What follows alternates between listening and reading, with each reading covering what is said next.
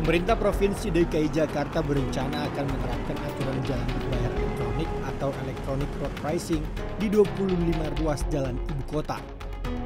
Aturan tersebut tercantum dalam draft rancangan peraturan daerah atau Raperda pengendalian lalu lintas secara elektronik guna mengurai kemacetan yang kerap terjadi di ibu kota Jakarta.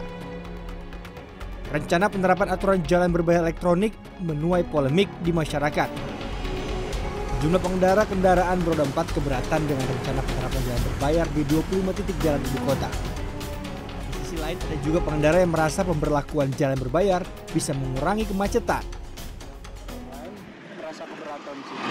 Karena untuk driver online itu bisa kemungkinan kita malah menjadi sepi penumpang karena banyak jalanan-jalanan yang kita lewati sebagai driver itu pasti akan berbayar terus kalau ada penumpang oke okay lah mungkin penumpang yang bayar. Tapi kalau kita lagi kosong kita kan juga jadi bayar. Uh, setuju nggak setuju sih pak? Setujunya sih bisa ngurangin kemacetan ya. Tapi nggak setujunya ya. Uh, kita kalau mau ke, lewat ke daerah sana jadi bingung muternya gitu. Sementara itu pejabat Gubernur DKI Jakarta Heru Budi Hartono menyebut rencana penerapan aturan jalan berbayar elektronik masih dalam pembahasan di DPRD. Tapi kan sekarang masih dalam proses di DPRD RAN Perda namanya. Itu masih ada beberapa tahapan. Nanti dibahas di DPRD, diolah sesuai dengan kewenangannya masing-masing. Terus jadi perda. Setelah jadi perda turun masih dibahas lagi. Itu bisa pergub, bisa kepgub.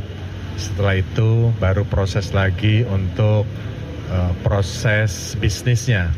Nah, proses bisnisnya itu masih pembahasan. Nah, nanti siapa yang mengelola badan usahanya apa itu juga nanti bahas juga dengan DPRD baru. Heru menambahkan tahapan lainnya yang juga perlu dibahas yakni mengenai titik-titik penerapan jalan berbayar serta kesepakatan tarif yang dikenakan. Ia menambahkan kebijakan jalan berbayar juga memerlukan pembahasan dengan pemerintah pusat dan direncanakan rampung pada tahun 2023 ini. Tim Liputan CNN Indonesia